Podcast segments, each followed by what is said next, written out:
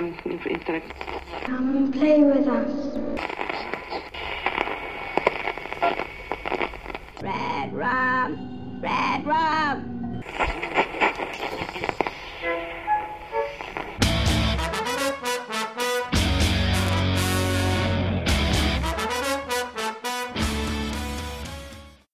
Bardzo chciałem poruszyć e, ten temat jeszcze w okresie, w którym świętujemy rocznicę powstania serwisu StephenKing.pl.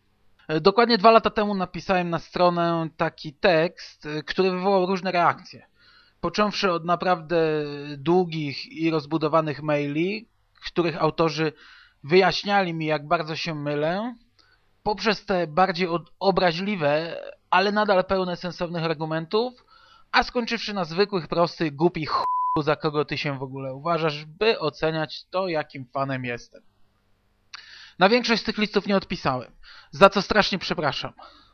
E, miałem wtedy urwanie głowy, ale tak naprawdę e, jakiekolwiek wymówki bym tutaj nie użył, byłoby to wszystko gówno warte. Gdy umieszcza się tego typu tekst w internecie, to trzeba się liczyć z reakcją czytelników. I wypada wysłać choć krótką odpowiedź, skoro ktoś znalazł czas, by przeczytać moje wypociny – i znalazł go jeszcze więcej, by je skomentować. Także teraz głośno i wyraźnie mówię do tych wszystkich osób zainteresowanych przepraszam. A dalej przejdę do tłumaczeń. Głównym powodem, dla którego nie odpisałem, było to, że chciałem napisać długi artykuł. Tytuł pierwszego zmieniłbym na Polski fandom ciemna strona mocy, a nowy odpowiednio traktowałby o tej drugiej jasnej stronie barykady. Taki tekst nigdy nie powstał ale teraz mam idealną okazję, by sobie na ten temat pogadać. Artykuł, do którego się odnoszę, wciąż można przeczytać w odpowiednim dziale.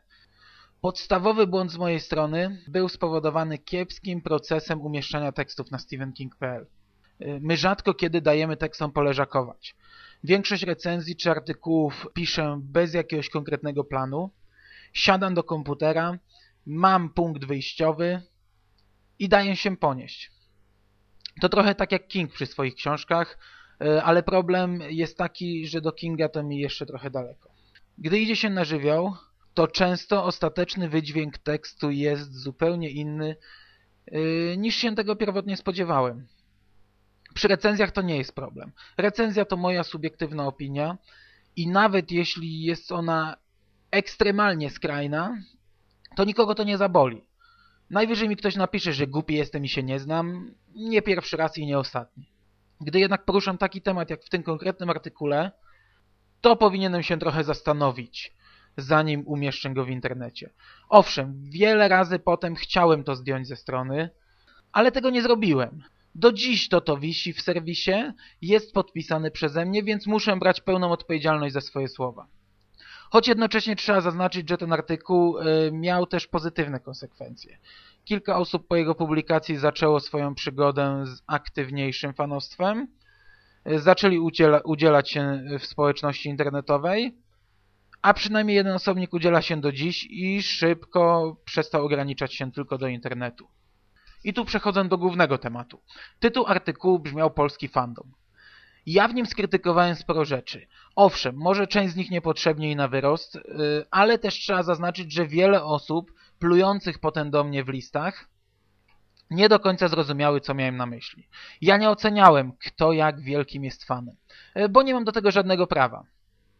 Zresztą nawet gdybym miał, to absolutnie nie klasyfikowałbym ludzi y, ze względu na to, ile książek przeczytali, ile mają na półkach, czy jak często do nich wracają. Nigdy w taki sposób nie oceniałem ludzi. I nigdy tego nie zrobię. A jak ktoś mi takie słowa kiedyś przypisze, to możemy to mieć przykre konsekwencje. Określenie fandom dotyczy czegoś całkowicie innego. Fandom to społeczność fanowska. To ludzie aktywnie w niej działający, udzielający się w dyskusjach, spotkaniach, konkretnych programach.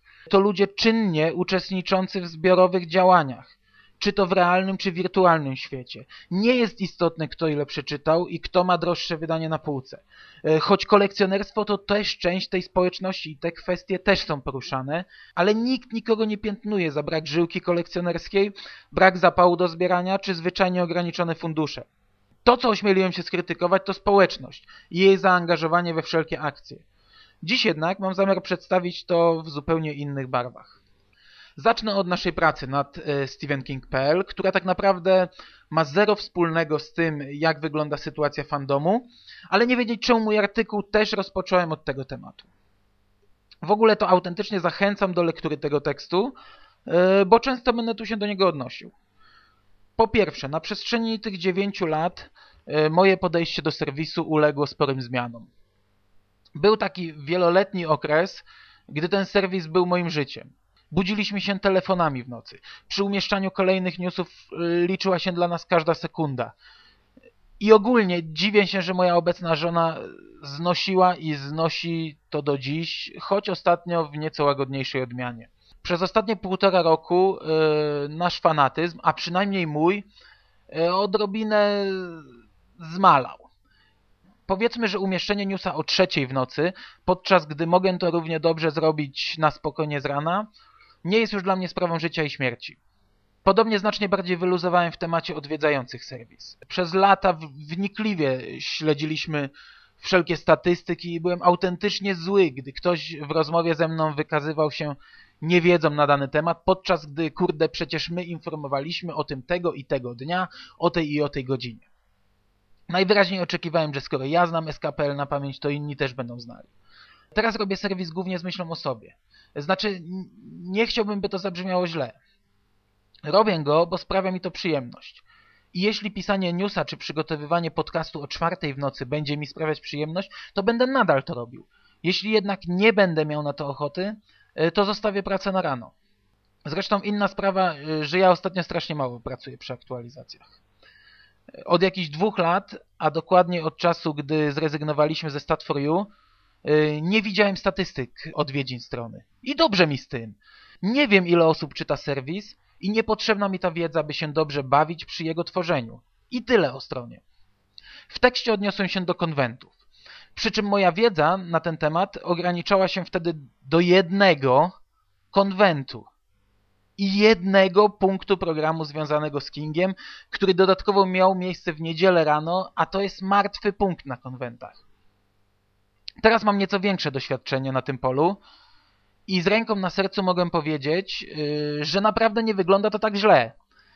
Kingowe punkty programu na tego typu imprezach może nie są jakoś przesadnie oblegane, ale nie można powiedzieć, by świeciły pustkami.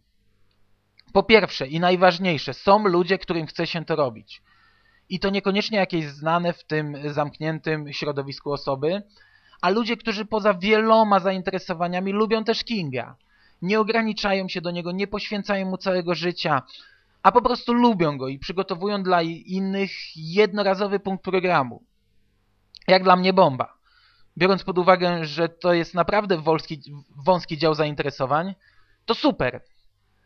Super, że przez ostatnie dwa lata, podczas których odwiedziłem prawie wszystkie większe i kilka mniejszych konwentów, na wielu zapewniono nam atrakcje związane z Kingiem tak naprawdę nie można tego powiedzieć o żadnym innym zagranicznym pisarzu, a to już o czymś świadczy.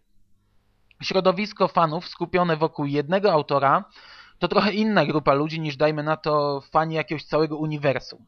Dwa lata temu chyba nie do końca to rozumiałem, a może po prostu miałem zbyt utopijne wizje na ten temat. Kolejną kwestią, którą muszę poruszyć, y, jest porównanie naszego podwórka do cudzych. I tak jak w przypadku konwentów, y, rozumiem siebie sprzed dwóch lat, gdyż tamten Mando miał po prostu za mało danych, by przedstawić prawdziwy obraz tego zagadnienia, tak kompletnie nie mogę zrozumieć mojego ówczesnego gloryfikowania zagranicy. Na świecie w tej chwili nie ma prawie nic.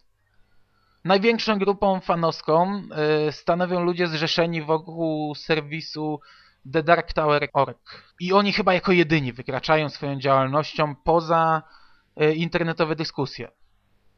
Jest to jednak dość specyficzna grupa, skupiająca się głównie wokół tematu kolekcjonerstwa. Poza nimi jest jeszcze dość prężnie funkcjonujący fanklub w Holandii, który też w sumie działa w internecie, ale oni także organizują się w realu, tworząc raz do roku spory festiwal na swoim podwórku. Chwali im się to i szacunek, ale uważam, że mimo wszystko my robimy więcej. Miałem okazję widzieć ich na spotkaniu z Kingiem i mimo, że my byliśmy tam w cztery osoby, to stanowiliśmy bardziej zaangażowaną i zorganizowaną grupę. Można też wspomnieć o naszym wypadzie do Berlina na spotkanie z Hillem, gdzie całkowicie zdominowaliśmy tę imprezę. A w zasadzie wystarczy jakakolwiek okazja do wyjazdu, a zawsze zbierze się grupa ludzi, która bez względu na swoją liczebność pozostawi po sobie bardzo dobre wrażenie. Zresztą polski fan, i tu bez różnicy, czy mówimy o Kingu, czy innych zakątkach fantastyki, jest fanem absolutnie wyjątkowym na tle reszty świata. Dobra, my nie mamy możliwości, y, by zorganizować, dajmy na to, wycieczkę śladami bohaterów filmu czy powieści. Ktoś tam kiedyś y, w Stanach robił takie rzeczy. Naszą siłą jest natomiast to, że mieszkamy w małym kraju i wykazujemy jakąś dziwną chęć y, spotykania się na żywo. Ludzie, którzy przyjeżdżają do nas z zagranicy, zawsze są zachwyceni tym, jak funkcjonuje nasz polski fandom fantastyczny. Dobra, ja sobie mogłem krytykować w artykule to, e, że na spotkaniu z Kingiem pojechało cztery osoby. Mogłem wyśmiewać sytuację, gdy na forum ustawiały się kolejki chętnych, którzy potem e, równie szybko rezygnowali.